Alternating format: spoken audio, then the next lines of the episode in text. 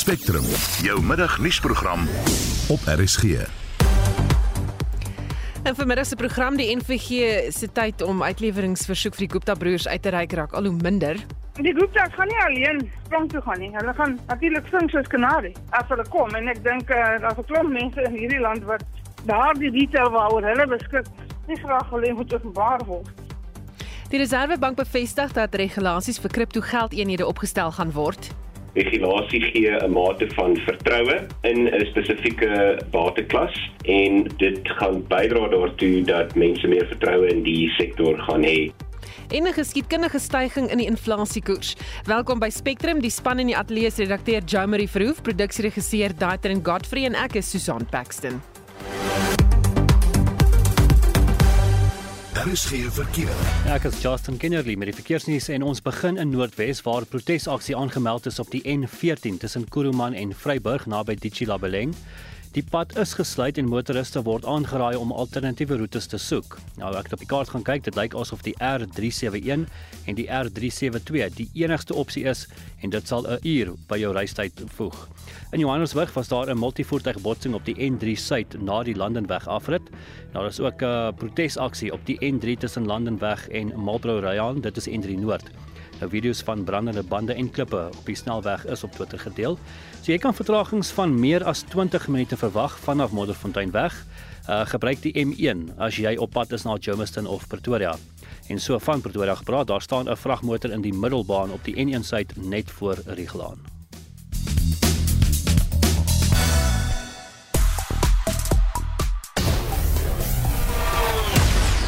Atletiekbaas Sebastian Coe sê Caster Semenya is beslis welkom by die wêreldkampioenskap. Ons atleet is môreoggend in die tweede dames 5000 meter uitdinne te sien in Oregon. Naloper Lukolo Adams is intussen deur na die finaal van die mans 200 meter. In cricket Suid-Afrika stel die 6 IPL spanne bekend wat beheer sal neem van die spanne wat volgende jaar in 'n splinternuwe T20 toernooi hier in Suid-Afrika sal meeding. 'n Volledige bulletin volg net na 12:30. En twee hitsmerke ding mee op Twitter vir die titel van gewildste onderwerp. Dit is Johannesburg en Zimbabwe. Elkeen is al meer as 3000 keer genoem en wat Johannesburg betref, praat mense oor die swak toestand van die paaie met 'n paar wat fokus op die herlewing wat in die middestad gebeur. En met die hitsmerk Zimbabwe reageer mense op die voorsitter van die ANC subkomitee oor internasionale betrekkinge, Lindiwe Zulu, se uitlatings dat alle lande verantwoordelikheid moet neem vir hul burgers en dit volg op gesprekke oor immigrasiewette veral wat Zimbabweërs betref. Hmm, praat daarvan 'n spesiale taakspan van die polisie het onlangs 97 onwettige myners naby Heidelberg in Gauteng in hegtenis geneem. Hulle word van 'n reeks misdade aangekla wat onwettige mynbeaktiwiteite, mensehandel en die besit van plofstowwe en vuurwapens insluit en omdat mense van hulle uit Lesotho kom is hulle ook onder immigrasiewetgewing aangekla. Nou sommige kenners wat meen onwettige mynbou moet eerder gewettig word want dan kan dit gereguleer word. Wat is jou mening? Hoekom dink jy so? Stuur 'n SMS na 45889 teen R1.50 per boodskap of praat saam op die Monitor en Spectrum Facebook bladsy of stuur 'n WhatsApp stemnota na 0765366961. Anita, weet jy, ek stap daai oggend uit die seepunt ateljee uit. Ek kan nou nog weer sê dat ek bruin stewels aangetree het. Daar kom iets in my deur my wat vir my sê dit gaan 'n sukses wees. Dit is jy. Op 26 Julie word Monitor se eie Tossie Logner 'n volle 85 jaar oud. Luister Saterdag tussen 12 en 1 na Naweek Aktueel vir 'n indiepte onderhoud met Monitor se Tossie Logner Italië.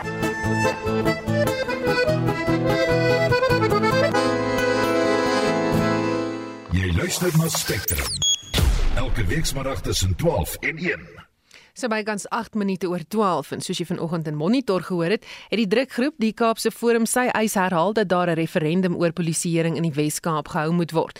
Dit volg na die minister van polisie, Bekkie Cele, tydens 'n besoek aan Khayelitsha op die Kaapse vlakte, die idee dat die provinsie beheer oor die polisie oorneem afgeskiet het. Ons praat nou ook met die oud polisiehoof in die Wes-Kaap, advokaat Lennet Max. Uh, Goeiemiddag Lennet. Lyk vir my ons het hom eers daar verloor en ons gaan terugkeer na hierdie storie toe en hom deurtrap om te hoor presies wat dink rolspelers oor daardie plan van 'n referendum en dan natuurlik om die polisie um, in die uh, provinsie onder beheer te neem daar. Goed, die nasionale vervolgingsgesag is glo gereed om 'n uitleweringsversoek uit te reik aan Interpol vir die Gupta broers, Rajesh en Atul. Hulle is meer as 'n maand terug deur Dubai se polisie vasgetrek. Die DA skare minister van Justisie, advokaat Linus Breitenberg sê egter hulle moet gou maak van die tyd stap vinnig aan. 'n Uitlewering uit sy aard is baie gekompliseerd. Dit is 'n komplekse dokument, is baie delikate werk. Dit vereis baie detail. So uitlewering uit sy aard is 'n spesialist gebied.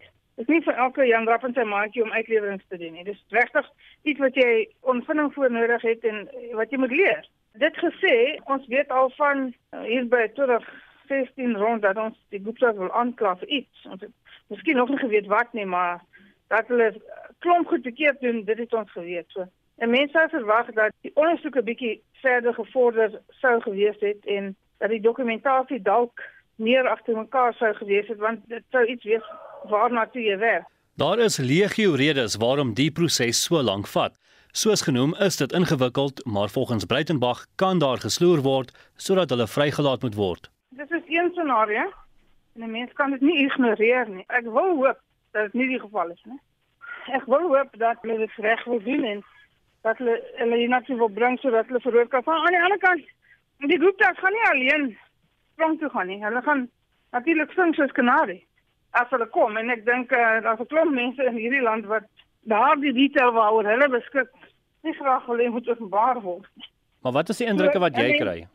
Wel, ek het ek het al met hulle gepraat daaroor. Die indruk wat ek kry is dat hulle hulle verseker vir my hulle werk hard aan die ding dat dat alles onder beheer is en dat hulle die 60 dae per tydperk sal kan maak en dat ek my nie moet bekommer oor die uitlewering nie. Dit is on track soos hulle sê. Die Guptas mag net vir 60 dae in aanhouding bly. En as die uitleweringsaansoek nie betyds ingedien word nie, moet hulle weer vrygelaat word. Hulle 60 dae is amper om as baie minder as 60 dae nou meer oor. En uh die minister van International Relations, minister Pandor, ja. verseker my dat die vertaling daarvan spoedig sal gebeur en dit ook reg sal wees en dat uh, dat Dirk alles in hulle vermoë doen om die versoek behoorlik uh, aan die gang te hou en en te sorg dat dit betyds uh, gebeur. So almal wat ek mee praat, uh, verseker my alles is nog reg. Wat my bekommer is ons hardloop by tyd uit. Ek verstaan die NVG wil nou klagtes byvoeg en dit sal dinge baie vergemoeilik. Ons moes in my beskeie mening 'n bietjie meer voorberei gewees het. En ons moes, ek dink die proses moes al 'n bietjie verder gevorder gewees het. Maar op hierdie stadium word ek nog verseker deur almal van die nasionale direkteurs al by die minister wat betrokke is dat alles in orde is. So, jy weet, daar's weinig wat ek op hierdie stadium kan doen behalwe om aan te hou vra. Die DA skadu minister van Justisie, advokaat Glenis Breitenberg. Ek is Justin Kennerly vir Garnis. Goed, ons keer terug na ons vorige storie in die drukgroep die Kaapse Forum wat sy eis herhaal het dat daar 'n referendum oor polisieering in die Wes-Kaap gehou moet word. Die uh, polisieminister Bekkie Cele het die idee dat die provinsie beheer oor die polisie oorneem afgeskiet en ons praat nou met die oud polisiehoof van die Wes-Kaap advokaat Lennet Max. Goeiemiddag Lennet. Goeiemiddag Susan. Goed, eerstens jou gedagtes oor 'n plan dat die Wes-Kaap regering beheer neem oor die polisiediens in die provinsie. Ja, uh, Susan, jy weet ek nog destyds by die by die DA was in 2013 die 23ste Augustus het ons ehm um, uh beleidswerkswinkel gehad en toe ek al reeds daardie tyd voorgestel aan die DA dat ons hierdie ding moet bespreek. Jy weet in op die, in, op die agenda plaas. Maar op daardie stadium was hulle nog nie ernstig daarmee nie want die omstandighede was nog nie so sleg soos nou nie. Maar uh om terug te kom na jou vraag toe is dat ja, Ek gaan akkoord daarmee en ek dink ook dit is 'n baie goeie uh, gedagte. Want in terme van die grondwet artikel 99 maak duidelik voorsiening dat die nasionale minister wel bevoegdhede van sy eie bevoegdhede kan afwentel na uh, 'n lid van die uitvoerende raad van die provinsie sowel as op op op op raadvlak op uh, munisipale vlak. Uh, deur middel van 'n ooreenkoms gepaard gaande met 'n pro proklamasie deur die president. Dan in terme van artikel 204 64 uh, van die uh, grondwet wat saam gelees word met artikel 99 is dit so dat daar daar afwenteling wel mag plaasvind. Dis nie noodwendig nodig vir 'n uh, verandering in die grondwet nie.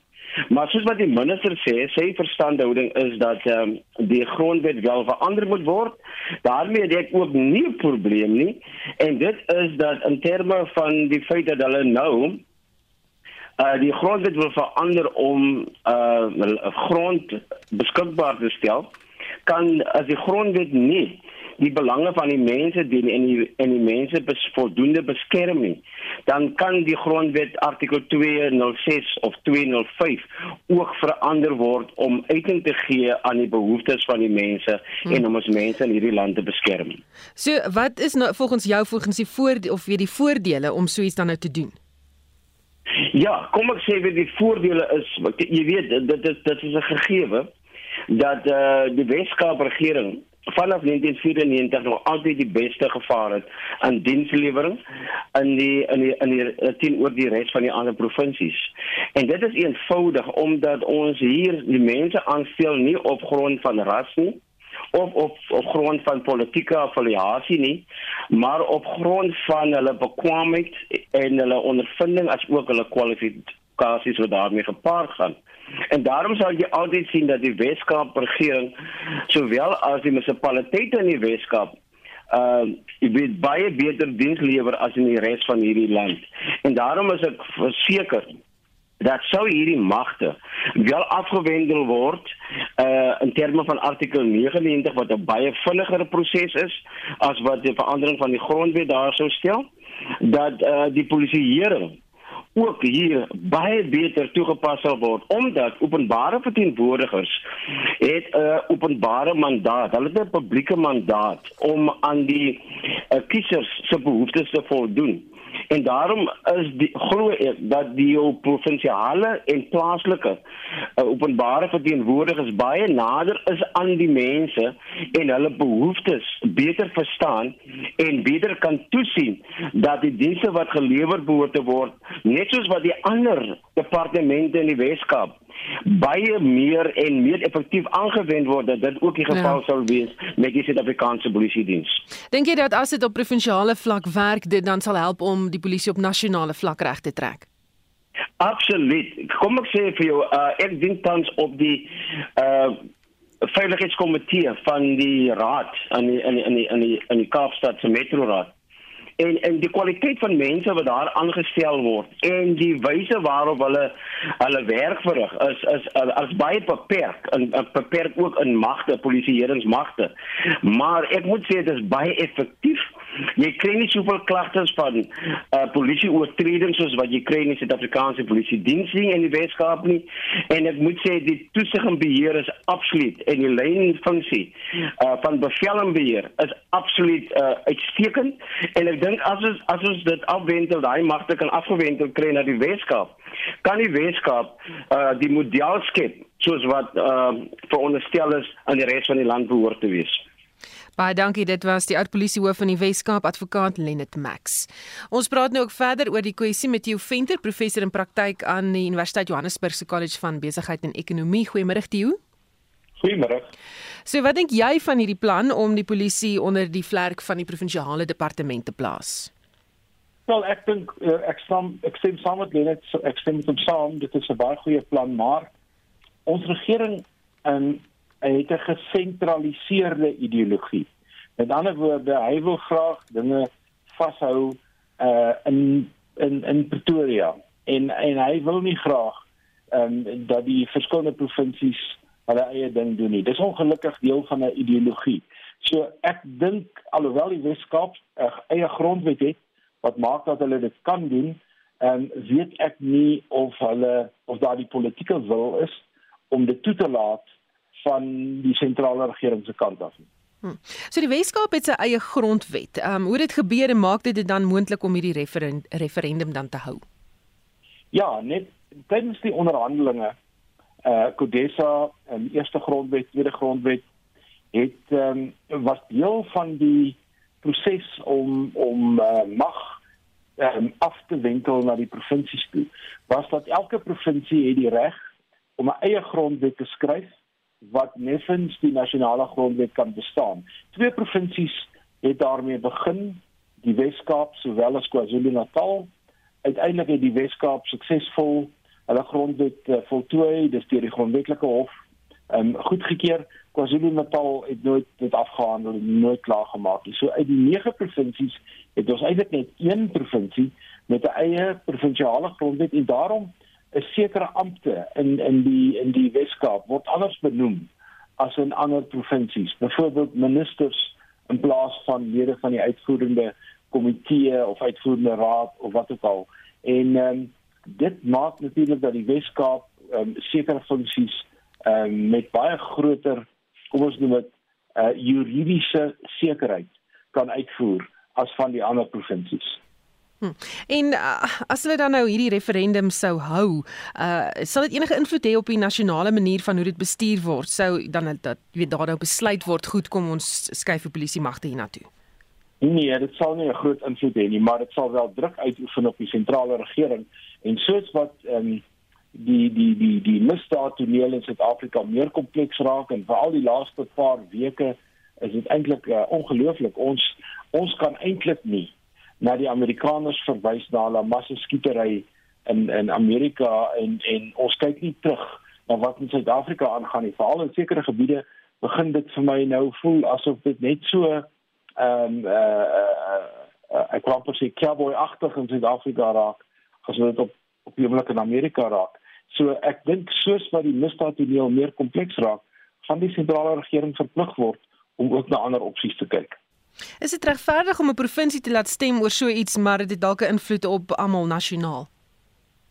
Wel, dit is juridies korrek. Uh, hulle kan dit doen in terme van die grondwet en net soos wat die stad van Kaapstad tans dit reg gekry het om beerdkrag op 'n laer vlak te bestuur as byvoorbeeld uh, ander stede en dit is die vir die grondwet laat toe dat as jy die kapasiteit en die vermoë en die vaardighede het om jouself te bestuur en beter te bestuur, mag jy dit doen.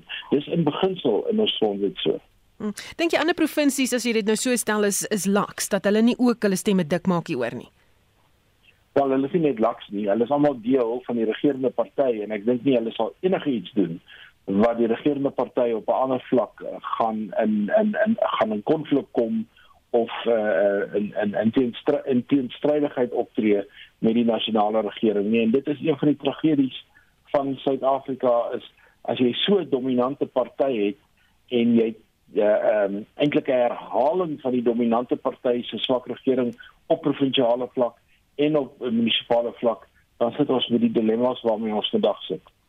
Baie dankie. Dit was Theo Venter, professor in praktyk aan die Universiteit Johannesburg se College van Besigheid en Ekonomie. Solidariteit se skoolondersteuningsentrum raai ouers aan om hul kinders se aansoeke vir graad 1 en 8 so gou as moontlik te doen.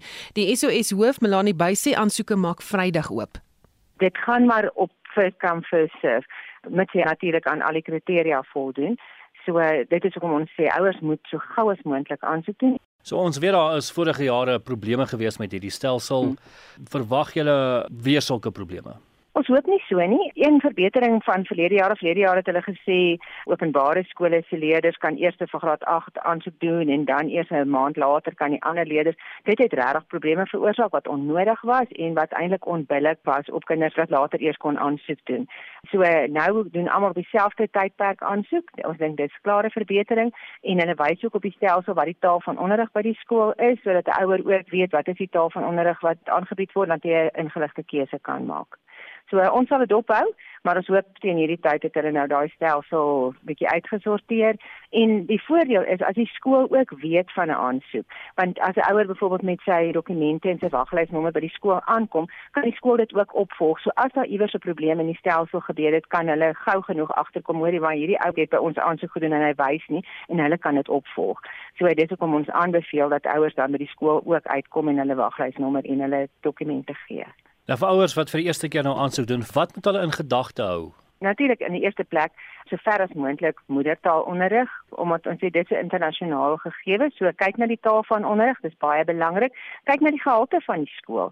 Ouers stem met hulle voet. Jy weet watter skole is goeie skole. So dit is hoekom ons ook baie druk op die departement plaas om te sê die naaste skool moet 'n goeie skool wees. Jy kan nie van 'n ouer verwag om sy kind dwars oor die stad te stuur om eers by 'n goeie skool uit te kom nie. So dit is dit is die ander belangrike ding om na te kyk.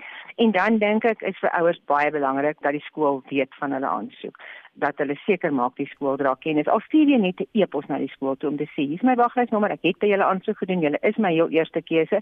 Die stelsel maak voorsiening dat ouers meer as een skool van keuse kan uitoefen, maar dit is belangrik dat die skool wat jou heel eerste keuse is, definitief bewus is daarvoor dat jou kind baie graag soontoe wil kom. Wat is die tipiese wagperiode? Hoe lank moet ouers wag voor hulle weet of hulle suksesvol was of nie? Man ongelukkig in die verlede kon jy in die ry gaan staan het as jy aansoek gedoen het dan die ontvangsam vir jou gesê hoor jy is nommer 200 op die waglys dan jy nou geweet jou kans is nie goed nie. Ongelukkig met die stelsel weet jy nie so op hierdie stadium duidelik nie. Daar is spesifieke datums wat van wanneer af ouers die aansoeke sluit in Augustus hier van Oktober af gaan hulle begin SMS'e kry.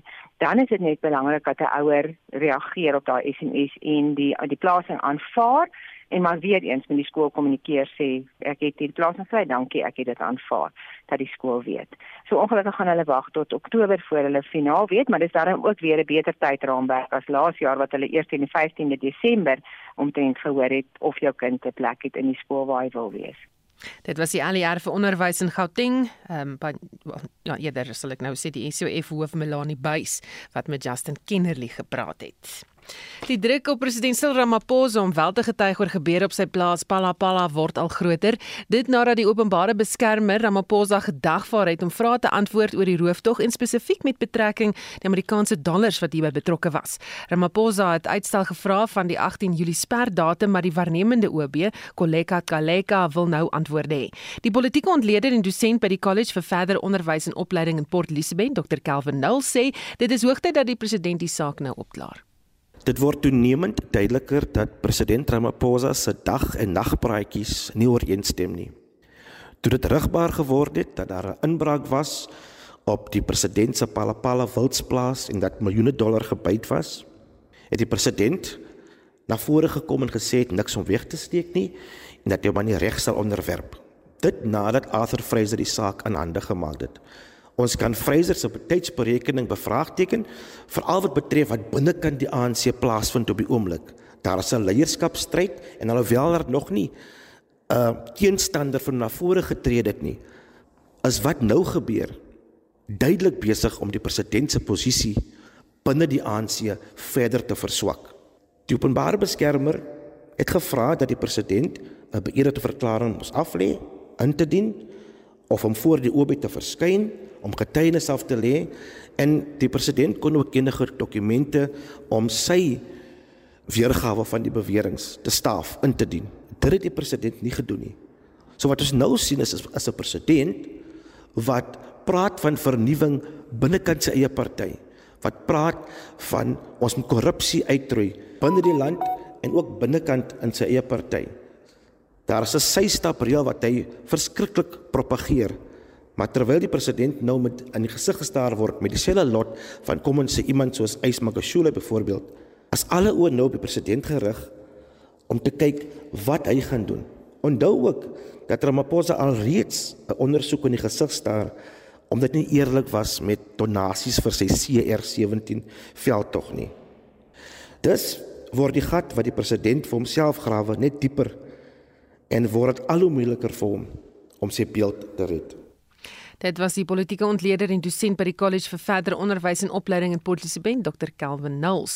Die parlementêre komitee wat Bosisiwe Mqobani se amptbevoegdheid ondersoek, hervat Vrydag met sy verrigtinge. Intussen hou hulle nabetragting oor die getuienis wat reeds gelewer is. Ons verslaggewer Joseph Mushiao het dit dop. Goeiemôre Joseph. Eh, uh, goeiemôre. The witness cross examinations thus far have been quite spicy. How does the panel feel about the work they've done so far? Uh, members feel that actually uh, Joseph, jou uh, sein is vir my bietjie swak as jy miskien 'n bietjie kan skuif na links of regs dan gaan ons jou beter kan hoor. Okay, uh, Ja, klink vir beter. Okay. Okay, what I was going to say is that uh, the the the committee feel that they have they, they are doing well so far and that they are they are happy with the with the pace of the of the hearings. There are a few concerns that they have. Uh, uh, many have raised the issue of uh, the, the the tone of especially uh, the, uh, the legal representative of the public protector, Advocate Mpofu, that uh, he is uh, overly aggressive and, and, and, insulting and disrespecting uh, witnesses, and uh, they, they, they, they, they have asked that something be done about that by the chairperson. And the chairperson himself started by addressing one of the issues that uh, Mpofu has been raising quite uh, rigorously during uh, his uh, cross-examination of witnesses, and that is the issue of double jeopardy, where he feels uh, that uh, Mkwebane should, should this committee should not go ahead because Mkwebane is still challenging, uh, especially uh, uh, uh, her dismissal or her, her suspension by the president in court, and so she's also uh, uh, facing criminal charges.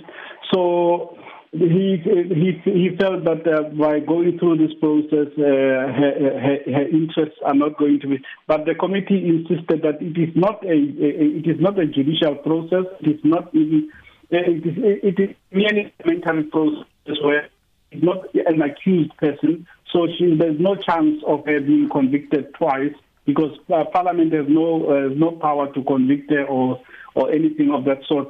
So, and, and but there are there are differing views from the different members of political parties.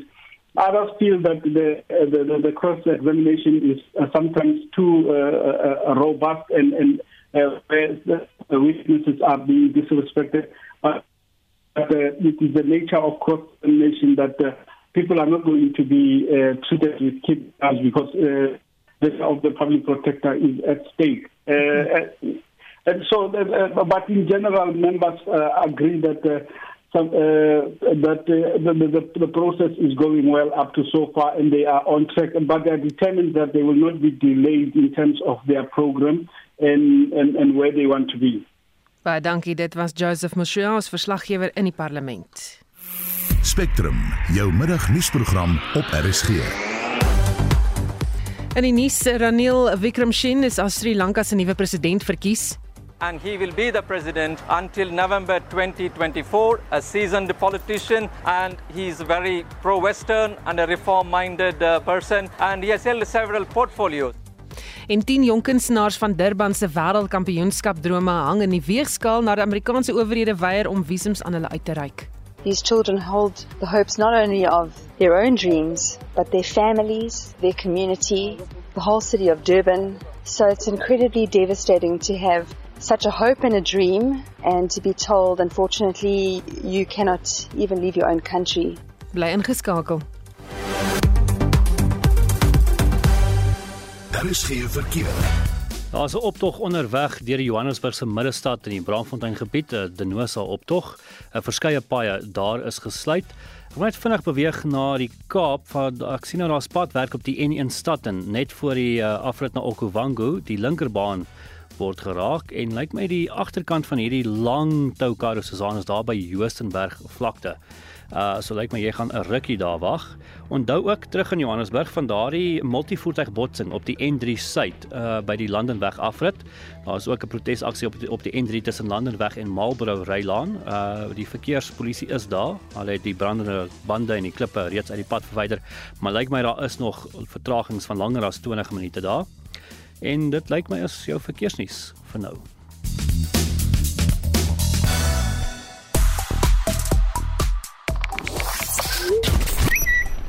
En op sosiale media, die uh, onderwerpe Johannesburg en Zimbabwe is nog steeds baie gewild, meer as 4000 keer nou al uh, genoem.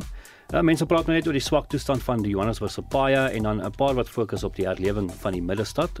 Uh daar's nie op die oomblik herlewing wat daar gebeur nie, want daar is natuurlik uh, die optog wat ek nou net genoem het. En ook met die houtsmerk Zimbabwe reageer mense nog op die voorsitter van die ANC subkomitee oor internasionale betrekkinge, Lindiwe Zulu, se uitlatings dat alle lande verantwoordelikheid moet neem vir hulle burgers. En dit is jou uh, sosiale media. Hmm. En hier by ons praat ons natuurlik oor onwettige mynbou aktiwiteite en Marie van Centurion sê reguleer of wettig onwettige mynstroop aktiwiteite dis soos om diefstal te wettig. En iemand wat sê nee wat die uh, polisie moet hulle werk doen, waarom moet wetloosheid gereguleer word? En op Facebook sê Thelma Germeshuisen gee die mense werk, almal is honger. Probleem is dat Suid-Afrikaners of eerder Suid-Afrikaners te lui is om te werk. Maak dit wettig. En Derek de Lange sê ons het genoeg myners wat wettig werk. Wat wil ons nou met onwettige myners doen? Hulle kom ons grens binne en roofsteel en krap net ons mense om. En dan van wyke, wat is volgende? Wettig huisbraak en roof sodat dit gereguleer kan word. Anoniem om onwettige mynbedrywighede te wettig beteken die Zama Zama sal moet belasting betaal aan arbeid en veiligheidswetgewing voldoen ensovoorts. Dit gaan beteken hulle gaan nie meer wins maak nie. Dit gaan nie werk nie. Jy kan ons saamgesels as jy wil. Dis op ons Facebookblad of op die SMS lyn.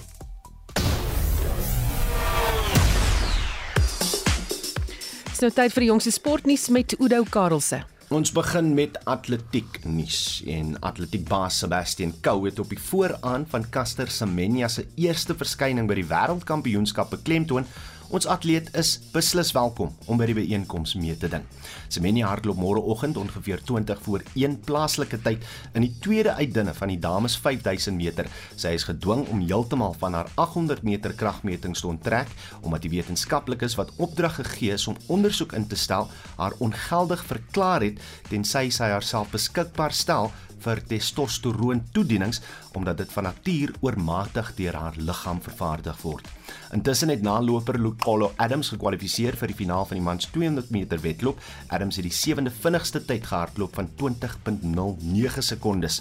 Noah Lyles van Amerika was die vinnigste in 'n tyd van 19.62 sekondes. Die finaal vind donderdag 10 voor 5 in die oggend plaas. In cricketnuus het ons mans Proteas die perfekte begin gehad van hul 3 wedstryd eendag reeks teen Engeland toe hulle gister in die hitte van Durham Ben Stokes se span met 62 lopies uitoorlê het.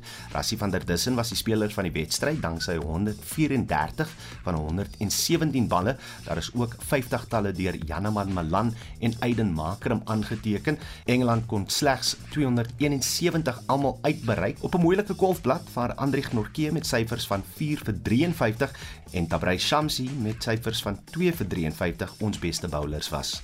Ons dames het in die eenmalige toets gelykop teen Engeland gespeel en toe voortgegaan om die eendag reeks 3 niks te verloor. Dit wil sê as hulle môre te staan kom in die eerste van 3 T20 wedstryde teen Engeland, dan moet Sunaylish se span eenvoudig wen om die algehele toer aan die lewe te hou. 4 punte word vir elke wedstryd in die reeks toegeken aan die wenspan. Suid-Afrika moet dan al 3 T20 wedstryde wen om gelykop te eindig op die toer. As jy nog nie gehoor het nie, Graham Smith is aangewys as die hoofkommissaris van die nuwe T20 toernooi wat vroeg volgende jaar deur Cricket Suid-Afrika aangebied word. Die goeie nuus is dat Cricket Suid-Afrika reeds 6 IPL spanne bekend gemaak het wat die Suid-Afrikaanse spanne sal borg. Die Mumbai Indians sal beheer neem oor die span wat in die Kaap speel, die Lucknow Super Giants oor die span wat in Durban speel, Tyberga se span eienaars is die maatskappy wat die Sunrisers Hyderabad besit. Johannesburg se span word deur die eienaars van die Chennai Super Kings aangevoer terwyl SuperSport Park sy welkome arms sal oopmaak vir die eienaars van die Delhi Capitals. En net so brokkie goeie nuus danksy ons bure in Zimbabwe. Hulle manspan het saam met Ierland, Skotland en die Wes-Indiese eilande gekwalifiseer vir die T20 Wêreldbeker later vanjaar danksy die kwalifiserende toernooi wat in Bulawayo afgespeel het oor die afgelope 2 weke. En dit was Udo Karlse met vandag se sportnuus. Jy luister na Spectrum op RSG is nou 12 bykans 12:39 die Reserwebank sal 'n verwagting môre 'n rentekoers aanpassing maak. Meeste ekonome verwag dat dit selfs met 50 basispunte verhoog sal sal word. Ons praat nou met die hoof van die Suid-Afrikaanse makro-ekonomiese navorsing by Standard Bank, Elna Moelman. Uh, Goeiemiddag, Elna. Goeiemiddag. Nou inflasiesyfers is ook pas deur Statistieke Suid-Afrika bekend gemaak en dit het opgeskiet tot 7,4% van 6,5. Uh dit is nog 'n groot sprong. Dit is 'n baie groot sprong en ongelukkig is dit dalk nog nie die hoogtepunt wat ons gaan sien nie. So ek dink byvoorbeeld die Julie data gaan nog 'n bietjie hoër wees. Wat die Reservebank begin bekommer in die eerste plek as ons daarna kyk, is dat soos wat inflasie styg, styg mense se verwagtinge. En wat dit dan beteken is jy begin al jou pryse aanpas of as jy dan nou 'n werknemer is, wil jy graag 'n groter loonverhoging hê om op te maak daarvoor en so dan kry, dan skep jy amper 'n spiraal. So die Reservebank se grootste vrees sal dit wees en dit is is waarom ons dink dat die Reservebank nie meer kwart persentasiepunte gaan gaan opsit soos vroeër in die siklus nie, maar soos wat jy nou genoem het 'n half persent. Daar is egter versagtende omstandighede. As ons na kerninflasie kyk, so dan haal ons nou voedsel en brandstofpryse uit, dan is daardie inflasie net 4.4%. Dis ook heelwat hoër as in Mei, toe dit net 4.1 was. Maar dit sê vir jou enige iets wat te doen het met die vraag in die ekonomie is eintlik maar nog papperig. En die rede waarom inflasie self so hoog is, is dan nou tot 'n groot mate um voedsel en brandstofpryse. Ek wou nou vir jou vra, jy weet wat was die dryfvere agter hierdie groot sprong? Ja, absoluut. Dit dit, dit kom maar neer op daardie kommuniteitspryse en dan natuurlik het ons nou 'n bietjie swakker rand gehad, so dit het ook 'n impak gehad. Maar as jy mens na die die die, die detail in hierdie datavrystelling kyk, dan sien mense wat ek nou genoem het, die die vraagkant van die ekonomie is nog regtig baie pap. Een van die belangrike komponente wat ons vandag gekry het, is huurinflasie en dit is belangrik vir twee redes. Een, dit is 'n baie groot deel van die mandjie, dit omtrent 15% van die mandjie en twee, dit is gewoonlik 'n komponent wat vir mense aandui watter hoe sterk is die inflasie wat verwant is aan vraag. Met ander woorde, as die verbruiker onder baie druk is, dan kan jy nie regtig jou jou huurpryse opsit nie en dis dan nou wat ons gesien het dat aan die begin van die pandemie was hier amper heeltemal konstant. Dit was so swak geweest. En nou begin dit 'n bietjie optel. Dat ons praat nog regtig van baie baie lae koerse so op 'n jaargrondslag net 3%. So dit gaan dan weer eens die Reservebank sê eintlik is vraag en enige vraag gedrewe inflasie no, nog redelik laag en en dat behoort dit nou in ag te neem. Met ander woorde as ons kyk na die res van die wêreld waar baie lande met meer as 'n half persent opsit sal hierdie dan nou die faktore wees wat vir die Reservebank sê in Suid-Afrika moet ons stappe neem maar dit hoef nie so dramaties te wees nie want eintlik is enige vraaggedrewe inflasie nog nog baie laag. Hmm. Dan 'n ander ekonomiese nuus wil dit voorkom of daar so 'n bietjie goeie nuus is wat betref die brandstofpryse. Absoluut. So as ons kyk na waar die brandstofpryse heidaglik is, dan sien die data vir ons dat dit nou hoër is as wat die onderliggende pryse is. Met ander woorde, 'n mens kyk altyd wat het met olie gebeur en wat het met die wisselkoers gebeur en as daardie rand olieprys dan nou begin afneem, dan gaan dit mettertyd die petrolprys ehm um, laat daal. So as ons na die huidige vlak kyk, dan is dit R2.86 meer as wat dit hoef te wees gebaseer op die onderliggende prys of as ons dan nou vir die maand tot op datum kyk R1.41. So dit gee jou aanduiding van hoeveel daardie brandstofprys volgende maand behoort te daal, wat natuurlik dadelik verligting gee, maar ons sien ook baie ander kommoditeitspryse wat bietjie begin verlangsaam, byvoorbeeld ook die landboupryse. So dit alles sê vir ons dat inflasie nou 'n baie groot probleem is, maar dit behoort volgende jaar heelwat laer te wees. Baie dankie. Dit was die hoof van die Suid-Afrikaanse Makro-ekonomiese Navorsing Departement by Standard Bank, Dr Elna Moelman. Die ouers van 10 jong kunstenaars van Inanda noord van Durban vra dat die Suid-Afrikaanse regering ingryp sodat hulle later hierdie week in Los Angeles aan die Wêreldkampioenskap vir die uitvoerende kunste kan deelneem. Dit volg nadat die FSA geweier het om visums aan sommige lede van die Go Durban Musical Theatre Academy te gee, Dries Liebenberg berig. You Sarafina, I love you Sarafina, Sarafina Sarafina Sarafina Sarafina Sarafina Sarafina Sarafina mama yo, Sarafina please don't run away. Die 10 jong kunstenaars het 20 items ingeskryf vir die wêreldkampioenskappe wat oor 'n paar dae in Los Angeles begin. Hulle repertoire het 'n eg Suid-Afrikaanse aanslag. Sarafina wat in die 1980s 'n treffer op Broadway was, Pansula dans en kom musiek. 'n Miljoen rand is ingesamel om vir die reis te betaal. Omdat 6 van die akademiese deelnemers minderjarig is, word hulle nie net deur volwassenes vergesel nie, maar ook eThekwini se onderburgemeester, Pelani Mavundla.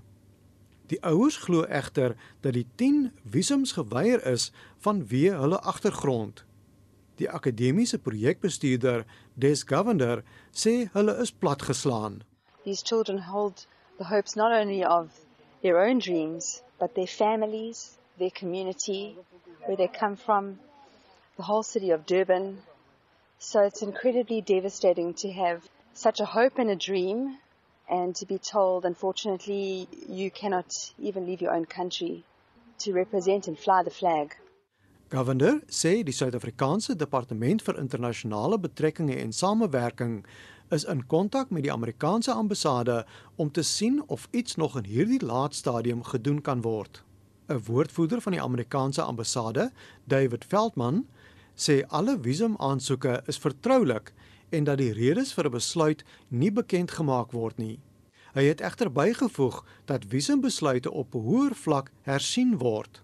So when a South African or an Indian or a person from China or even from the UK or France are seeking a visa or seeking to enter the United States, there is a presumption of immigrant intent. The American consular officer at the visa window or at the airport at the port of entry is required to presume that that person intends to immigrate to the United States. And it is the responsibility of that person not the institution with which he or she is affiliated. That individual person has to overcome that presumption of immigrant intent.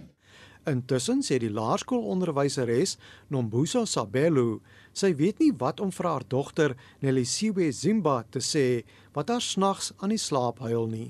I was heartbroken and I was devastated.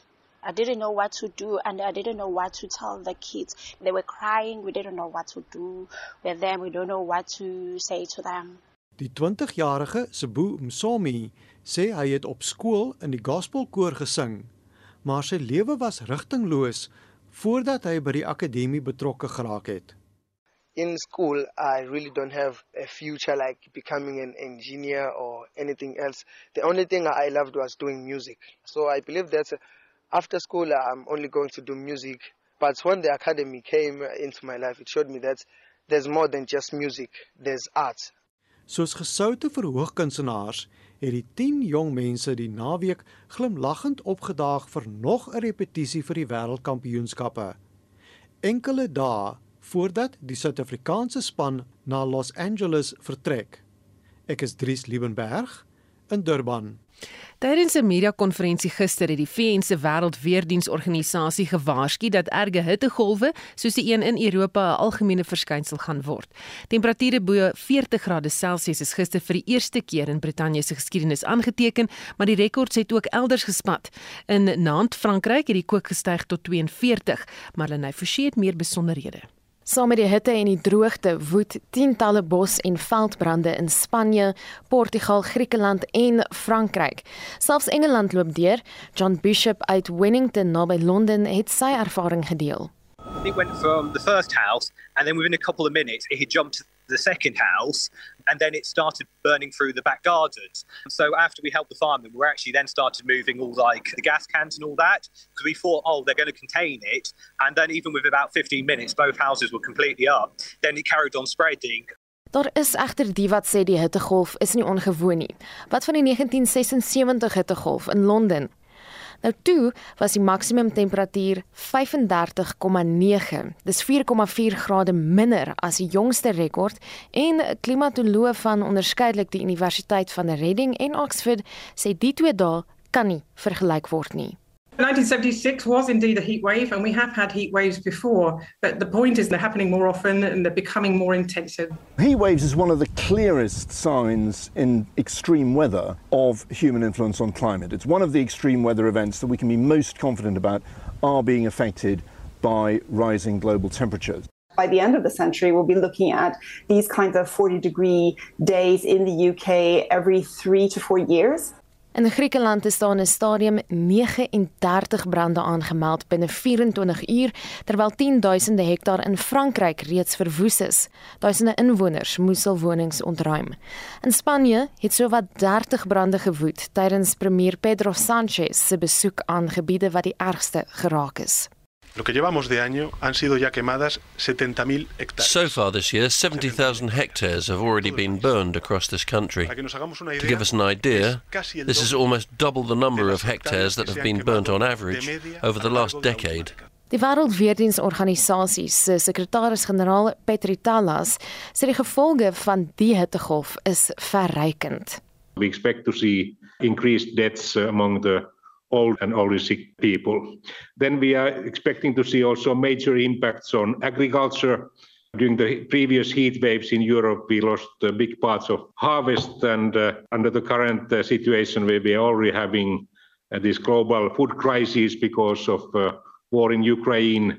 Spectrum het gister by die dekaan van die fakulteit Natuurwetenskappe by Akademia, professor Hannes Rautenbach, gehoor wat die verskynsel veroorsaak. Daar is redelik goeie bewyse dat hittegolwe word meer intensief. Hittegolwe kom meer gereeld voor en duur langer. Die noordelike halfrond het baie meer kontinente en daar's ook baie meer ys. As gevolg van aardverwarming smelt hierdie ys en die weerkaatsing van die sonstrale wat normaalweg in die wit ys uitgestraal is word nou deur die donkerder grond wat ontbloot is opgeneem wat baie warmer toestande in die noordelike halfrond veroorsaak. Dit was die dekaan van die fakulteit Natuurwetenskappe by Akademia, professor Hannes Rautenbach. Marlene Forsie, SAK nuus. Ons bly by die onderwerp en praat nou met professor Fransjo Engelbreg, die direkteur van die Global Change Institute en dosent in klimatologie aan die Universiteit van die Witwatersrand. Goeiemiddag Fransjo. Goeiemiddag en dankie vir die uitnodiging. Het die hittegolwe in Europa hoegenaamd 'n impak op die suidelike halfrond se klimaat? Nee, dat is geen direkte impak nie. Ons moet wel ook besef dat die suidelike halfrond ook geleidelik aan die warm word is en hittegolwe kom ook al hoe meer gereeld voor in Suider-Afrika en in Australië. Dink maar aan die bosbrande van die afgelope paar jaar in Australië. En dink ook maar net aan ons groot 2015-16 hittegolwe in Suid-Afrika tydens die groot El Niño gebeurtenis. So ons moet leer uit wat gebeur het in die Verenigde Koninkryk en in Wes-Europa in die sin dat ons ook ongeëwenaarde hittegolwe en hitte kan verwag in ons streek. En ook in Suid-Afrika spesifiek kan moet ons ongeëwenaarde hittegolwe verwag alreeds in die volgende 10 jaar. Nie noodwendig in die komende somer nie, want die voorlopige aanduidings is dat ons weer eens op pad is na 'n La Niña tipe somer hier in Suid-Afrika en in Suider-Afrika. Nou La Niña somers is gewoonlik gewoonlik gaan hulle gepaard met bonormale reënval, baie wolkdekking en dan is dit eerder 'n koeler somer as 'n besondere warm somer soos ons stand sien in Europa en in die Verenigde Koninkryk. Hm. So ons besef dinge is aan die verander. Ja, klimaatsverandering, die tekens daarvan is natuurlik nou oral om ons. Mense kan deesdae maar net televisie aanskakel en die bewyse van 'n veranderende klimaatstelsel sien wat wat so belangrik is in hierdie spesifieke geval die die huidige hittegolf in Europa en die die hitte wat ook opbou in die VSA en en in Asië soos in China byvoorbeeld is dat dit ongeëwenaard is. So daar's geen voorbeeld in die historiese rekord van 'n hittegolf van hierdie intensiteit wat nou byvoorbeeld voorgekom het in die Verenigde Koninkryk nie. En dit is wat ons ook moet beplan in Suid-Afrika. Hittegolwe van 'n intensiteit en duur wat ons nog nooit van tevore ervaar het. Baie dankie. Dit was professor Fransjo Engelbreg, die direkteur van die Global Change Institute en dosent in klimatologie aan die Universiteit van die Witwatersrand. Sri Lanka het 'n nuwe president na maandelange betogings teen Gotabaya Rajapaksa se leierskap. Die man wat die leiersels oorneem is die voormalige premier Ranil Wickremesinghe, maar Lenay hou die en ander ontwikkelende stories dop. Ja, Susanne, nou behalwe vir die ekonomiese krisis, is Wickremesinghe se grootste uitdaging volgens die BBC verslaggewer op die toneel om inwoners se vertroue terug te wen. As soon as Mr. Wickremesinghe's election was announced, a group of protesters here shouted slogans saying go home Ranil. But in response, Mr. Wickremesinghe has said that his election will spell an end to divisions on the island. Hy moet nou uit 'n baie skerpsinnige werkswyse Susan en dit het aan hom die bynaam Jakkels besorg. Monitor het môre 'n bietjie meer hieroor in diepte. Wat die Europese hittegolf betref, ons het pas daaroor gepraat, is nog steeds op elke TV-skerm wat internasionale um, nuus betref. Londen se burgemeester Sadiq Khan het bevestig 41 eiendomme het gister in die slag gebly. Yesterday was the busiest day for the fire service in London since the Second World War. On a busy day, they may receive around 500 calls. Yesterday, we received more than 2,600 at the same time. En in monitor môre 'n onderhoud met 'n inwoner van Portugal waar 10000 hektaar reeds afgebrand het. Hulle het ongelooflike programme. My seentjie Daniel, hy's nou 5. As hy 10 is, kan hy al aansluit by die brandweer om te help. Ons het ook baie sterk regulasies om paaie altyd 10 meter van die pad af skoon te hou. Ons mag glad nie met trekkers of masjiene werk na 11:00 die oggend nie. Ongelukkig kom die brande maar nog steeds. En dan op eie bodem, die Kaapse Forum drukgroep vra opnuut vir 'n referendum in die Wes-Kaap om die beheer van die polisie aan die provinsie te gee. Die oud polisiehoof Lenet Max het as volg gereageer. Grondwet artikel 99 maak duidelik voorsiening dat die nasionale minister wel van sy eie bevoorrede kan afwend na 'n lid van die uitvoerende raad van die provinsie sowel as op munisipale vlak deur middel van 'n ooreenkoms gepaardgaande met 'n proklamasie deur die president. Die NVG is glo gereed om 'n uitleweringsversoek aan Interpol te rig vir die Gupta broers Rajesh en Atul. Hulle is in Dubai vasgetrek nou die DEA skadu minister van Justisie Glenis Breitenberg sê so 'n proses is kompleks, maar tyd is 'n faktor. En mense sou verwag dat die ondersoek 'n bietjie verder gevorder sou gewees het en dat die dokumentasie dalk meer agter mekaar sou gewees het want dit sou iets wees waarna toe jy werk. En die ondersoek na die Life Esidimeni tragedie waarin 144 pasiënte met geestesgesondheidsprobleme dood is, duur voort. Karina Morale, die voormalige eienares van die nie-regeringsorganisasie Tsepong, getuig vandag voor die Hooggeregshof in Pretoria. En dit was Marlenae Forsie met die afgelope uur se ontwikkelende stories. Net so vir ons groet. Dis nie net Suid-Afrikaners wat ekonomies swaar trek nie. Die Britse kantoor vir nasionale statistiek se jongste syfers toon dat inflasie in die of in Junie tot 9,4% gestyg het. Dis die hoogste inflasiekoers in die Verenigde Koninkryk in sowat 40 jaar. Die grootste faktore wat hiertoe bydra is die hoë prys van brandstof en voedsel, veral melk, kaas, eiers en groente. Klink maar eh, soos wat ons nou gehoor het by Dr Elna Moelman wat ook 'n uh, eh, invloed gehad het hier op inflasie syfers. Jy kan ons steeds saamgesels oor ons vraag oor onwettige mynwerk mynwerkers en eh, mynboubedrywighede. Miskien het jy 'n plan oor hoe om dit op te los. En onthou vorige uitsendings van Spectrum is beskikbaar op potgooi gaan net na RSG se webblad by www.rsg.co.za. Ons naam is uitvoerende regisseur Nicoline de Wet, die redakteur Jo Marie Verhoef en ons produksieregisseur Daitrin Godfrey. Ek is Susan Paxton bly ingeskakel vir 360 net hierna.